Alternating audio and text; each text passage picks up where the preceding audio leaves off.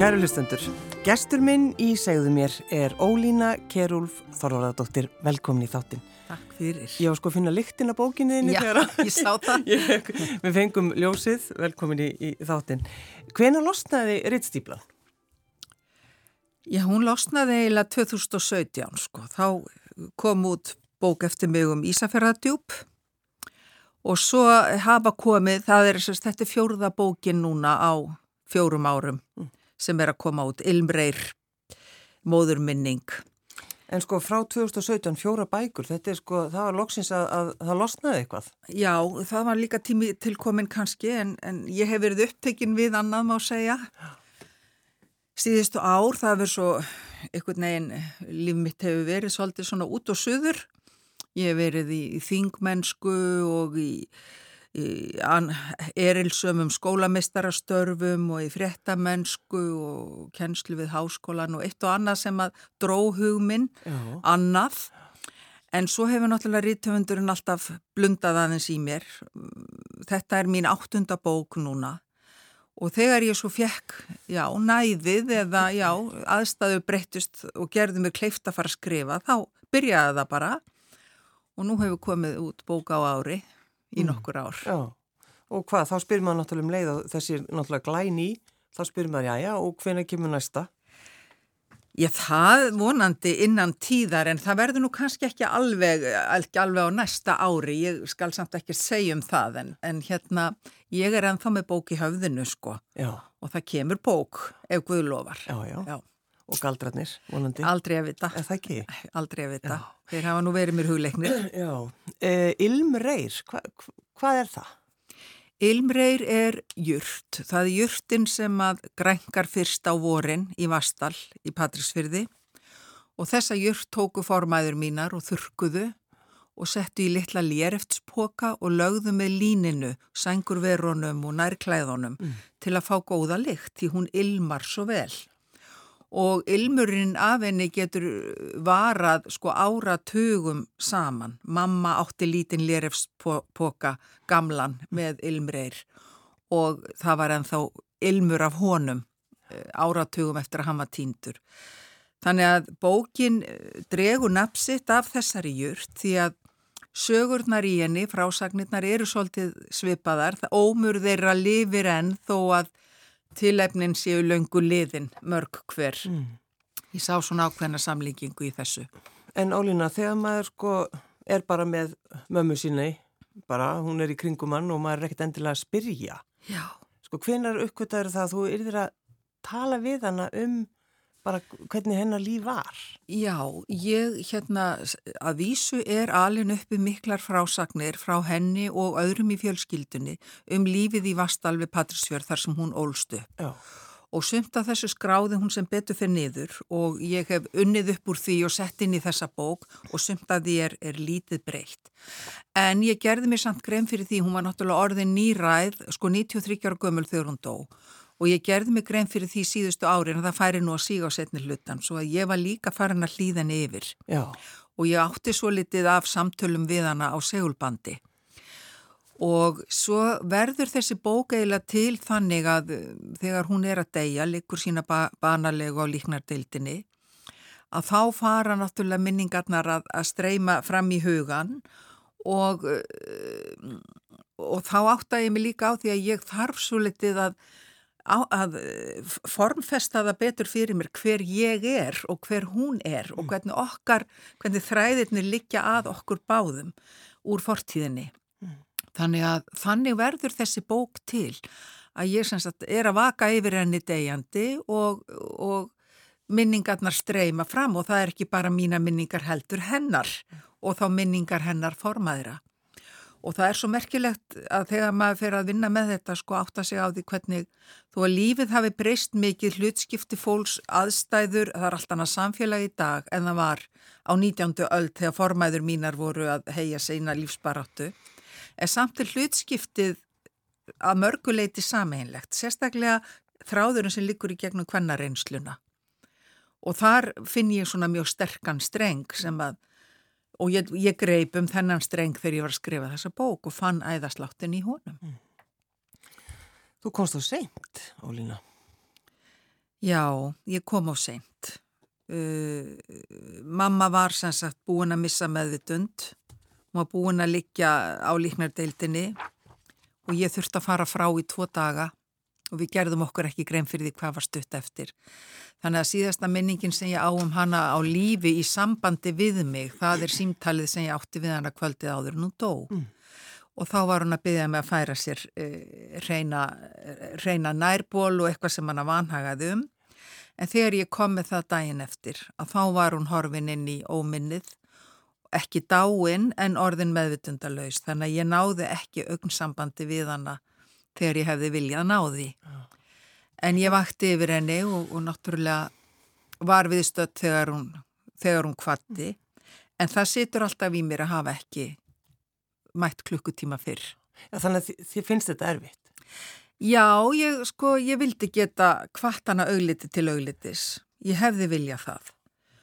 En svona er þetta, maður veit ekki hvenar, maður veit það skiptir svo miklu máli þess vegna að vera fallega með fólki og hvaðja geta hvart fallega, það er svo mikils virði og ekki það, þessi hvaðjustund var falleg, hún var það, uh, það er eitthvað ólísjanlegt við það að vera við banabeð, sérstaklega þegar gömul manniska er að deyja í friði og sátt, mm.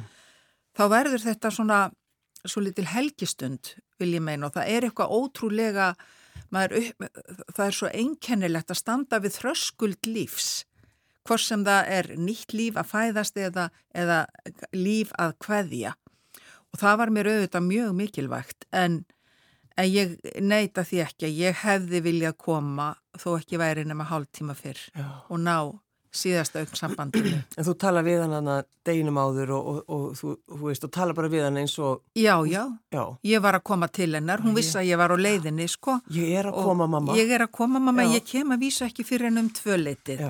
Og ég skinnjaði svona ugg í röttinu og hún sagði, já, hvenar kemur þið?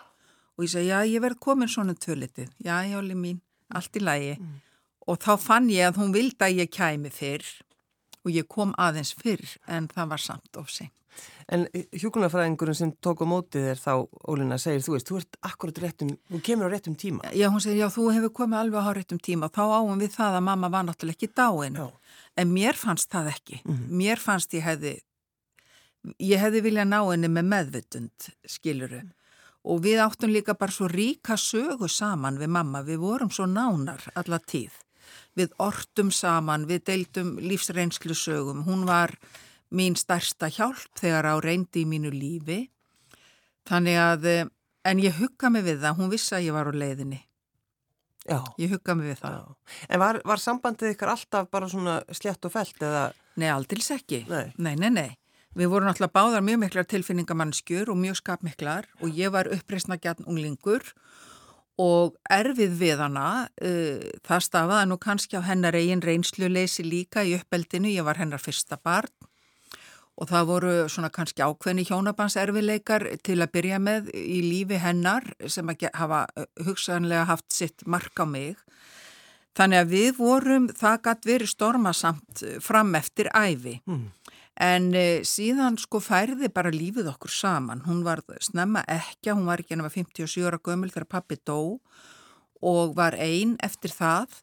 Alla tíð eftir það? Alla tíð giftist aldrei öðru manni. Mm og uh, við færðumst, eins og ég segi, við færðumst alltaf smátt og smátt nær hver annari og undir það síðasta, síðustu árin og jafnvel ára tíuna, þá var ég kannski pínlíti komin í móðulhutarki gagvart henni að sumuleiti en mm. þó alls ekki öllu, hún var náttúrulega alltaf mamma mín og alltaf svo sem ég leitaði til sko, ja. þegar ég þurfti eitthvað An, sérstaklega andlegan stuðning mm. þannig að um, Já, þetta var, þetta var á köplum stormasamt en það var alltaf hlýtt og náið. Mm. Segðu grannins frá því Ólina þegar þú varst veik og fyrst vírus í heilan. Já, það var nefnilega þannig einu sinni vakti mamma yfir mér degjandi, það var ekki bara ég sem vakti yfir henni. Og það var þannig að þegar ég var sjóra gömul að þá uh, fekk ég vírus í heila. Mm.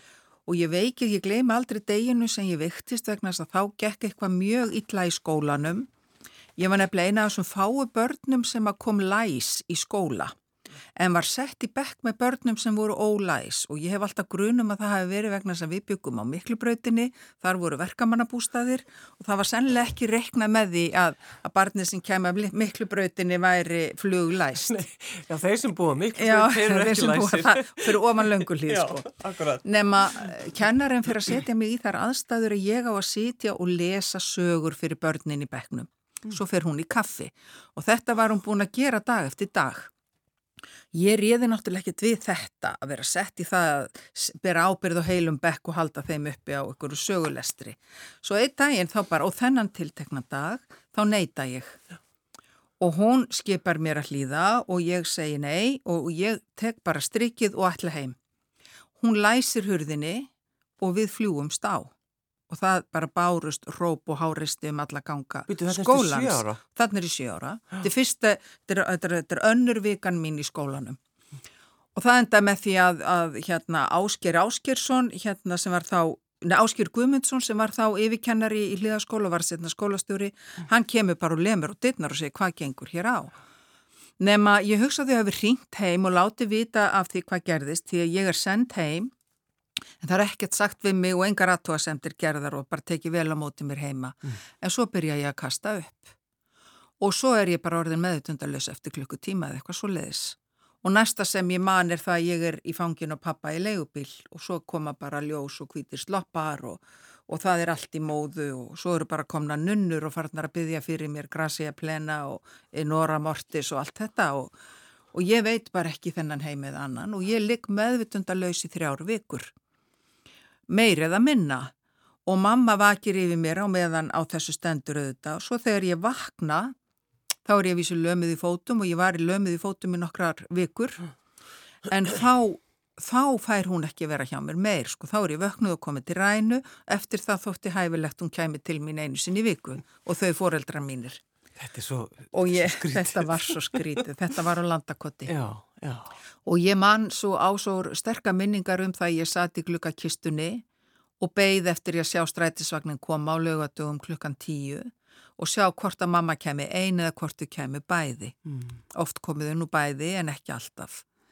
Í, viku, í þessa vikulegu heimsók en svo var ég þarna já, lömuð í fótu, eða máttlaus í fótum kannski ekki alveg lömuð og það var Björn Guðbrandsson, barnalegnir, hann var nú ansist niður, hann þegar ég fór að svona, var komin svona í, í, til meðvitundar og fann ekki borða mat og svona, þá smelt hann mér á teppisbleðil á gljá bónað gólfið á, á landakötti og sagði, já, já, nú máttu bara íta þér áfram. Og það gerði ég í nokkra, í svona halva mánuð og smátt og smátt kom mátturinn í fætutna því að ég fór ósælrátt að reyfa fætutna með þessu og ég gleymiði aldrei þegar hann saði við mig svo þegar honum fannst tímabært að ég færa stíði þessa fætur og saði mér að koma til sín. Ég gleymi aldrei þessum fyrstu tveimur skrefum sem ég tók á þegar ég dætt í fangið á honum. En þá fekk ég líka fullvisinu um að ég gæti gengið. Og svo styrtist ég smám saman og þetta fóð nú allt vel. Ég kom aftur eh, að vísu ekki tilbúin að fara í skólan alveg strax. Já, þú vildir ekki eftir þetta allt saman? Nei, Nei, ég kem rétt fyrir jól og ég var ekki tilbúin að koma í skólan. Mm. En þá er það Ármann Káir Einarsson, sá indislegi maður. Það var búið að skengja mér honum, þess að láta mig eh, ákveða það ég færi bekk til hans og hann ringir í mömmu og segir að það sé jólaball í skólanum og hvort ég vilja ekki koma og kynast nýju bekkjafélagunum það vildi ég alls ekki. Og mamma talt var nú ekki vissum að það væri heldur rétt alveg tíma bært en hann uh, eh, let sig ekki og saðist vera á bíl, hann myndi bara koma og sækja mig. Og hann lofaði því að sleppa ekki hendin af mér og vera með mér allan tíman og ég let tilleiðast, hann kom á tilsettum tíma og sótti mig Hjælt í höndina á mér inn á skólaballið og þannig mætti ég skólafélagunum aftur eftir þetta mikla áfall því að að lendi svona atbyrði er mikið áfall fyrir bann ah, og, og, og sko og rýfur svolítið niður sjálfsmyndina. En þarna stóð hann við hliðin á mér og hans hlýja handtak, ég finn það ennþá þegar ég tala um þetta, hvernig lófin lá í, í lófa, lófanum hans, þessum hlýja lófa. Og hann bara slefti aldrei af mig takinu eftir það? Nei, Ármann hann Káur. fylgdi mér úr allan barnaskólan og ég, ég á hann mikið að þakka. Já. En sko, þessi bók, Ólina, sko, þú, við fáum að vita eitthvað um, náttúrulega um ömmuðina og formæður hennar líka er það ekki. Þannig að sko, þú er ert að kafa aldeilis. Já, þetta er svolítið kvennleggurinn minn. Það, ég var lengi að hugsa um að láta hann að heita kvennleggur. Því að enn, forfeyðu mínir koma nú líka við sögu, svo það varð nú ekki úr. En já, ég fer alveg aftur í langa, langa, langömmu mína. Já. Og... Uh, Það, það, hún var, hún hétt Guðrún og var gift manni sem var kallaður Eiajarl, Eiólfur Eiajarl og það var svolítið sérstatt hvernig þeirra hjónaband bar að því að hann eiginlega rændeni og það er nú sagt frá því, ég ætla nú ekki að uppljóstra því öllu hér en hann eiginlega rændeni eiginlega bara úr kirkjunni við aðtöfnuna þegar verið var að gefa hann öðrum, að manni. Nei, þetta, bara... svo, þetta var mikið drama. Þetta er rosalegt og svo þurft hann eiginlega ræna henni aftur setna en, en já, fólk verður að kaupa bókina til að lesa um það. Já, þú mátt alls ekki eiginlega þetta. Nei, ég ætla ekki eiginlega þetta en sko, og svo var náttúrulega dóttir hennar, hún, hún bjó í Sviðnum í Breiðafjörðaregjum, kona Ólafs Teitssonar, Björg hétt hún, Ejjólfsdóttir. Mm. Hennar dóttir er Sigriður Langama mín og það var nú saga að segja frá því líka hvernig hún lendi í sínu hjónabandi með manni sem var ekkill og hafði mist bæði konu og mörg börn, Einar Jónsson Tórótsen, mm. sem er ættfæðir minn í Vastal. Og, og þau, þau giftast? Þau giftust og ég segi sko í rauninni frá, já, þessum konum og þessu fólki og svo teki líka konurnar úr móður ætt sem sagt mömmu minnar frá Ólínu Andrisdóttur ömmu minni, hennar móður Jónu og hennar móður. Mm. Þannig að ég, ég leifi þráðunum að koma í kvenleikin úr tveimur áttum og svo mætist þetta í okkur mömmu. Já. Og eins og ég segi, sko, fólk var að kljást við útafsölduna en það var líka að kljást við brimöldur hjertans og það, var, það er svo margt í hlutskipti kvennana sem að ennþá tógar í strengi sko, barnegnirnar, ástirnar, missirinn, svíkin oft á tíðum mm. og, og, og hvernig þær tókust á við það, það er svolítið lærtumsríkt að Já. skoða það. En aðeins að henni sem að giftist þessum, þessum manni sem var ekkill og Já, en hún Sigriður, Sigriður. Já, Sigriður langama mín. Var hún, var hún ástfangin á hennum? Þú voru að segja eitthvað. Nei, hún var ekki, nei hún var ekki ástfangin af honum. Hún var það ekki og áttaði sig ekki á því hvað tilstóð. Já, þú meinar. Já, og, eh, en hún var orðin 24 ára ekki að vaksta heimasæta og hún var há og tíguleg með hæstu konum og það svona sópaði að henni. Hann var lágvaksinn, svolítið kupslegur og tölvert eldri en hún. Þannig að þau voru nú kannski ekki beint óskaparið mm. og eh, Nei, þannig að, en, og hún gerði sér ekki alveg grein fyrir því hvað tilstóð, þannig að, þannig var nú það. Ja. En hún giftist honu og átti með honu fjöldabarna, en barðist kannski alltaf merki, alla æði, að uh, í skablindi og tilfinningum, uh, að hún hérna, hvernig þetta hafði allt saman verið. En var hún þá í rauninni neitt í hjónabandið? Hún fór nauðu vilju inn í þetta hjónaband skulum við segja. Já. og hérna og amma sagði einu sinni við hana þá höfðu þá, amma var tengdadóttir hennar Já. og einhver tíman hafði þeim sinnast og hérna og þær höfðu sæst. Og það var erfitt sko því að uh, amma var enda mjög skap uh, ljúf og góð kona en, en þær, þær áttu eitthvað styrt samband. Og þá segir amma við hana einhver tíman hvernig stendur á því að þú ert svona skaphörð sigriðu mín? Mm og átt svona erfitt með, með, með þessi samskipti við mig. Og þá horfið gamla konan í augun á hún og sagði það er vegna þess ólína mín að ég get ekki grátið. Og það var kannski hennar saga. Hún gæti ekki grátið, hún, gat, hún hafði ekki, ekki farveg fyrir sínar tilfinningar, það var ekki gert ráð fyrir þeim í því lífi sem hún lifiði. En bara þessi setning segir allt. Hún segir mjög mikið. Já. Að því ég get ekki grátið. Já og ætli það sé nú ekki sagar ansi margra, mm. þegar maður hugsa út í sérstaklega hvenna, að það, það var ekki gert ráð fyrir tilfinningum þeirra, það var ekki gert ráð fyrir vilja þeirra einu sinni mm. stundum. Er, hefur þú séð það í gegnum þetta, þína, þín skrif að, að, að, að... Þetta byrtist með ymsum hætti, sko, sumar fengur bara einfallega einhver áðið, aðra lendu bara í aðstæðum sem að það reyna svo að hérna nauðugar viljugar að vinna sig úr, já, já. en ég sé mjög sterka bælingu hjá, sko, það er ykkur gegnum gangandi þráður það er mikil bæling. Og líka eins hjá mömmu, sko, hún var mjög hæfileikarík kona og, og rítöfundur og skáld. Mm. og hefði átt að vera náttúrulega praktiserandi rítöfundur sem hún var ekki að hún gengur nauðu viljug inn í það að vera húsmóðir. Og þá bara leggur hún sinn bladamannaferil og hún er eina fyrstu mentuðu bladamönnunum á Íslandi búin að kemur til Íslands sko á eh, löst upp úr 1950 með bladamannapróf frá Svíþjóð upp á, upp á Vasan en hún var aldrei bladamadur í rauninni nema í þrjú ár.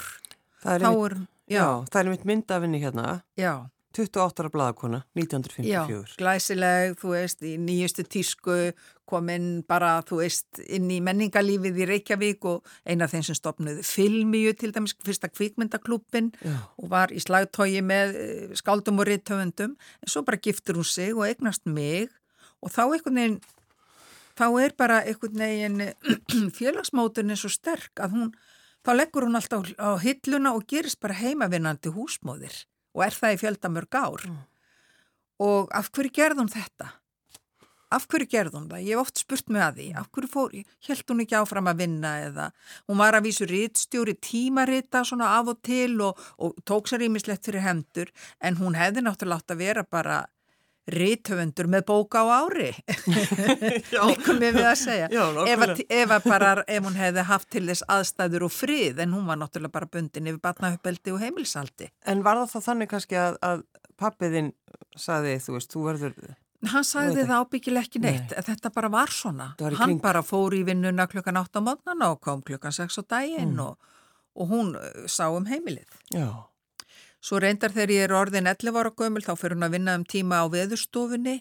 En það var, stu, það var sko bara um tíma svo verður hún síslumansfrú vestur og Ísafyrði og þá aftur tekur hún það húsmóður hlutverk mjög alvarlega. Svo les að sko hún og þetta var bara hlutskipti hvenna hennar kynnslóðar mm. og er hlutskipti kannski þetta hefur breyst í dag en, en, en þetta er bara sagan ef maður horfir aftur í tíman ah, að konur voru bara fengu ekki notið sín sem hugsandi verur oft á tímiðum, ekki eins og þær hefðu átt skilið mm. margar. Og þetta náttúrulega á þessum tími verið að síslimansfrú, það var bara... Hei, það var bara embætti. Það var bara embætti. Já, já, já. já. Bara fegst ekki laun? Nei, óborg og þetta var svona, einmitt sko, en náttúrulega ekki laun nei, nei, nei. og enga umbun en, en stóð, þurft að standa fyrir veislum og þurft að standa fyrir uh, ristnu heimilisins, hún er síslumasfrú út á landi og það eru haldnir síslufundir og það eru fundir og það eru menna komu Reykjavík og alltaf var hún sko standbæ með, með veitingar og, mm. og, og, og búa upp rúm og taka fólk í gistingu og allt þetta sko, já. en og hún, það var svo merkilegt henni fannst þetta sjálfsagt.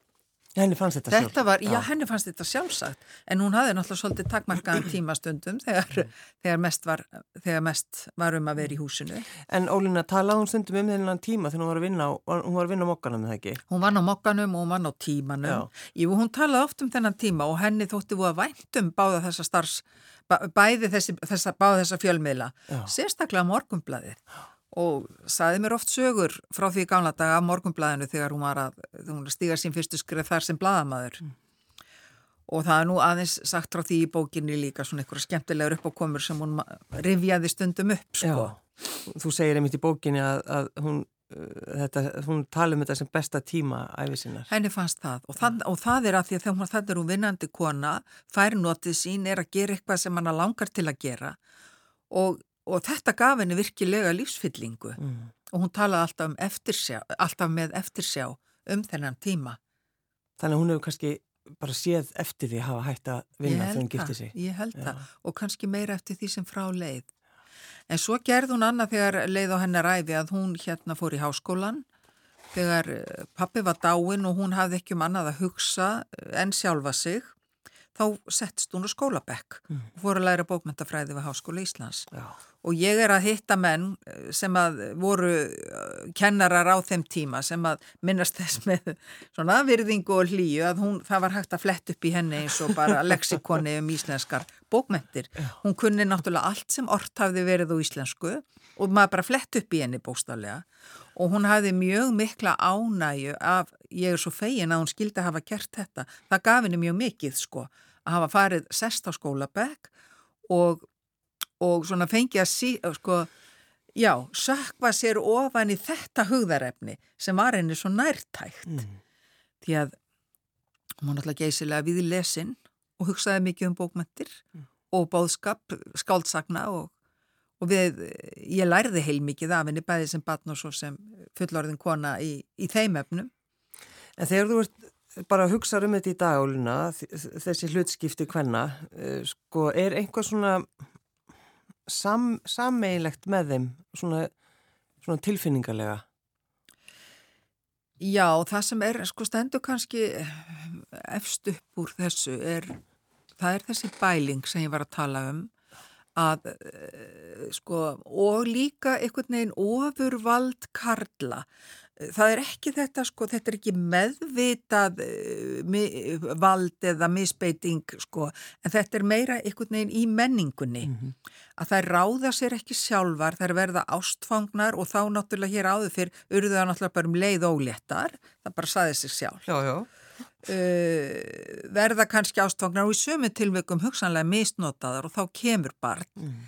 og hvernig það er sko þurfa að takast á við það uh, sömar lendu í því ein lendi í því að barni var bara einfallega tekið af henni og það þótti góð verk og svo var það bara tekið og alið upp annar staðar og tekið frá henni bara á sanginni meðan hún áður hún var farin og komin og fætur eftir, eftir barspurðin. Þetta er einmitt svona sögur sem maður hefur heyrt í gegnum tíðina og, og, og þá er það alltaf einmitt einhvern veginn svona bara já já þá bara og svo hérna hún bara áfram já. bara eins og, eins, eins og konur hafi ekki Já, neina tilfinningar. Þarna, var, þarna er sem sagt vinnukona sem er að eignast lausalegs barn Já. og amman móðir hérna barsföðursinn sem er velstæð kona, Sigriður Langama mín, hún kemur bara ríðandi, tekur barni úr hverju einustu spýr og setur í ný född sem hún er með og svo er barni bara bundið á hana og ríðið með það heim í vastal og, og móðir og barn sjást aldrei meir.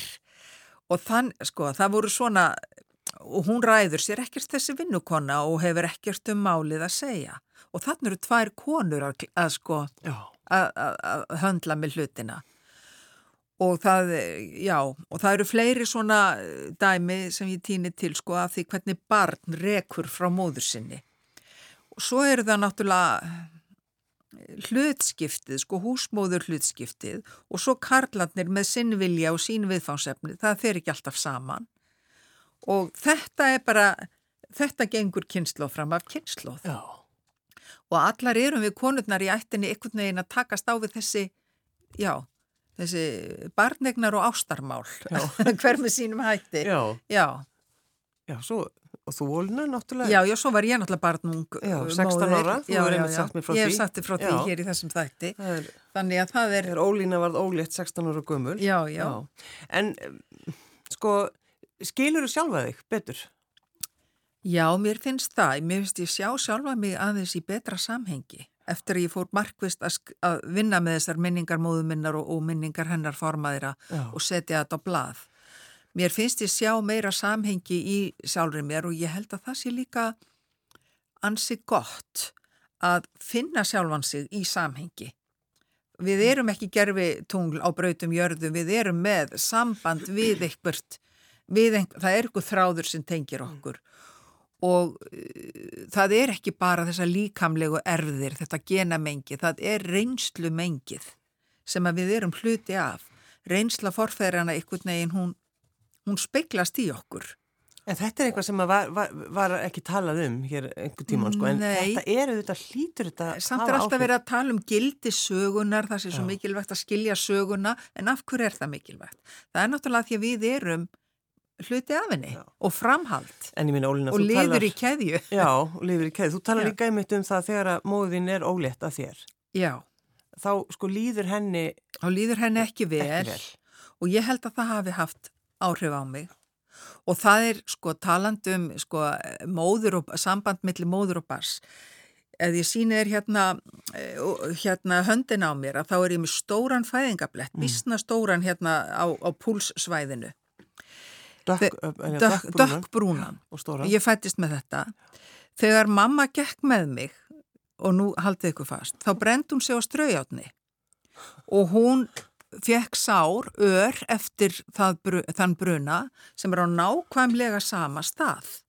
Og þegar hún, hún ætlaði ekki að trúa sínum eigin augum þegar ég fættist, þegar hún sá þennan fæðingablett á mér og ég, við sögum alltaf í grín, ég þetta sýnir náttúrulega bara samband millir móður og bars Þetta er náttúrulega En sko, sko nú kann auðvitað vera þetta sér tilviljun, en ég hef nú gaman að því að sko skáldtögin hún, hún eiginlega býður upp á það að maður hérna skoði þetta svolítið í öðru samhengi. Já. og ég, mér finnst þetta alltaf svolítið tákgrænt um bara okkar samband. Ég held að það hafi þróast að verulegu leiti náttúrulega bara meðan ég var í móðukviði og þess vegna hafi ég líka alltaf haft svo litlar svona umhyggju fyrir mömmu og vilja taka ábyrð á henni og mér fannst ég alltaf bera ábyrð líka á því hvernig henni leið og það er svolítið merkilegt. En það er náttúrulega mjög erfitt að, að, að finna það. Að Já en ég, ég held að ég sé ekkert einum þetta. Ég held að margar dætur kannist við þetta já, í alvöru. Já. En já, já, en svona er nú lífið. Það er margt á milli heimis og jarðar sem við ekki skiljum. En finnum. Já, en finnum, akkurat. En eins og, sko, öll þessi börn sem fæðast, ef við bara hugsaum um þinn, þinn kvenleg, sko. Ég meina, það, ammaðin egnaðist 14 börn. Amma átti 14 börn og, og kom þeim öllum upp, þau livðu öll, sem var nú alls ekki sjálfgefið á þeim tíma Nei. því að börn dói mikið e, og sérstaklega náttúrulega kannski á fátakari heimilum e, og líka vegna þess að það var e, á, á sko sent á 19. öld þá er, og framöttir þeirri 20. þá er ákveðin svona miskilningur í gangi í sambandi við umönnun barna. Börn voru ofta ekki sett á brjósti, það var verið að helliðu fiskisóði og gera alls konar hluti sem að á 19. öld sko, sem já, já, að bara reynlega örðu til þess að börnin dóu. Bara úr... úr bara, já, vannþekkingu já, já. og, eh, og eh, en amma aftur á móti sko hún er eiga sín börnatinn byrjun 20. aldar og það gengur allt mjög vel og þau komast öllu hún líka býra því sko að hún er í vel, þau eru þokkalega vel stæð á þess tíma mæli hverða, hún og Afi og Vastalur í Patrísfyrði er mikið menningar og rausnar heimili þó að það, hafi, að það þurfti að horfa, það þurfti að fara vel með alla hluti og það var ekki bröðul með nokkur skapaðan hlut. Mm. En það var, og það var oft svo þröngt í húsina þegar sko gestir voru að koma, þá þurfti að slá málbandi á milli rúmana til að finna, og svo verði hægt að setja fjöl á milli og hýsa sko, svo verði hægt að e, allir, allir fengi svepplás. En þarna var tekið á móti fólki og þarna komu Þarna komu ungir menn jafnvel bara og tilkynntu komu sína því að þeir átti ekki önnur hús að venda og þá, þeir, þá, þá, þá var bara tekið á móti. Það var mikið hjartarúm í þessari fjölskyldu mm. og Og svo sko þurfti nú að styrkja stofugólfið, svo var hægt að dansa á lögadögum og svona og það var spilað á, spilað á spil og það var sungið og alltaf húslestrar. Þannig að það var, sko maður upplifið mjög svona ríka menningu, þetta var eiginlega svona sjálfstætt samfélag, þetta 20 manna heimili. Og sko svo ólíkt því sem maður gengur og gerist í dag að maður bara hugsa um vennilegt íslenskt heimili, ykkur starri Reykjavík að það er nú ekki lesnir húslestrar eða, eða, eða dansað á lögadögum ekki inn á heimilinu, e, allavega ekki víða. Það er ekki að styrkja gólfið þannig að við getum dansað. Og svo, og svo náttúrulega var, sko, svo var orðsins list var einhvern veginn bara lifandi þráður í samskiptunum. Það var verið að yrkja og búa til orðarleiki og segja sögur. Já. Og bátur vastalsmanna, hann þekktist þegar róið var á miðin á því að það heyrðist söngur. Það var óm, söngurinn ómaði yfir fjörðin og þannig að sko uh, já, þannig að þetta var það var mikil menning og svona einhvern veginn uh, og stert, þetta var svona stert sjálfstætt samfélag. Mm.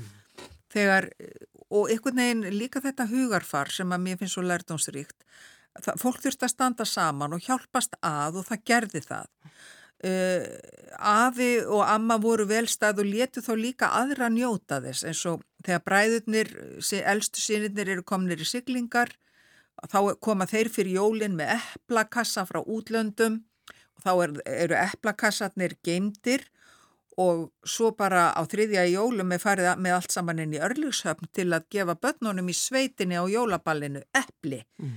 Og þá er jólatrénu líka pakka þessu dýrindis jólatré sem var tálkað og heimasmíðað og skreitt með, með alls konar fínu glimmeri og glingri frá útlöndum. Því var líka pakkað, sett upp í félagseimilunni í, þinghúsunni í, í örlugshöfn svo verður þetta að dansa í kringum það. Þannig að sveitungarnir nutu góðs af sko, hver af öðrum. Mm. og þetta eru sögur sem mér finnast svo fallegar og svo hérna, eftirbreytni verðar líka að maður hugsa um þetta og stundum verði ég að viðkjanna að ég fyllist svona ákveðinni bara eftir sjá hvað samfélagið hefur breyst mikið af þessu leiti. Mm. Fólk er orðið miklu ykkur neginn einangraðra í dag en samt alltaf En samt í sambandi gegnum tölvuskjáin, en það er, það, samskiptin hafa breyst svo mikið og þessi sko nálagð við annað fólk og að vera með öðru fólki, það hefur brist svo mikið. Og heyra röttina. Og heyra röttina, já. Við erum alltaf bara að senda SMS. Við erum alltaf að senda og nú er allt komið í þumalfingurna, sko. Já, já, já við skulum, við, við tölum nú. En við skulum ekki fara svartakallsreysið, nei, nei, nei. Við gerum það ekki. Ólína Kjærúl Þorvaradóttir Ítvendur, takk fyrir að komuna. Takk fyrir að bjóða mér.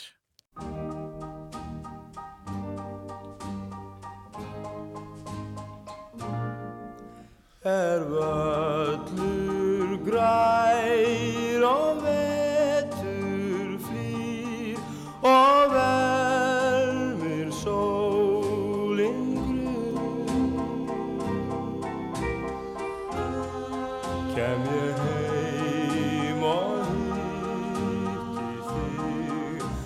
vel hjá þér alla stund hjá þér Við byggjum saman bæ í sveit sem blasir móti sól. Það ungu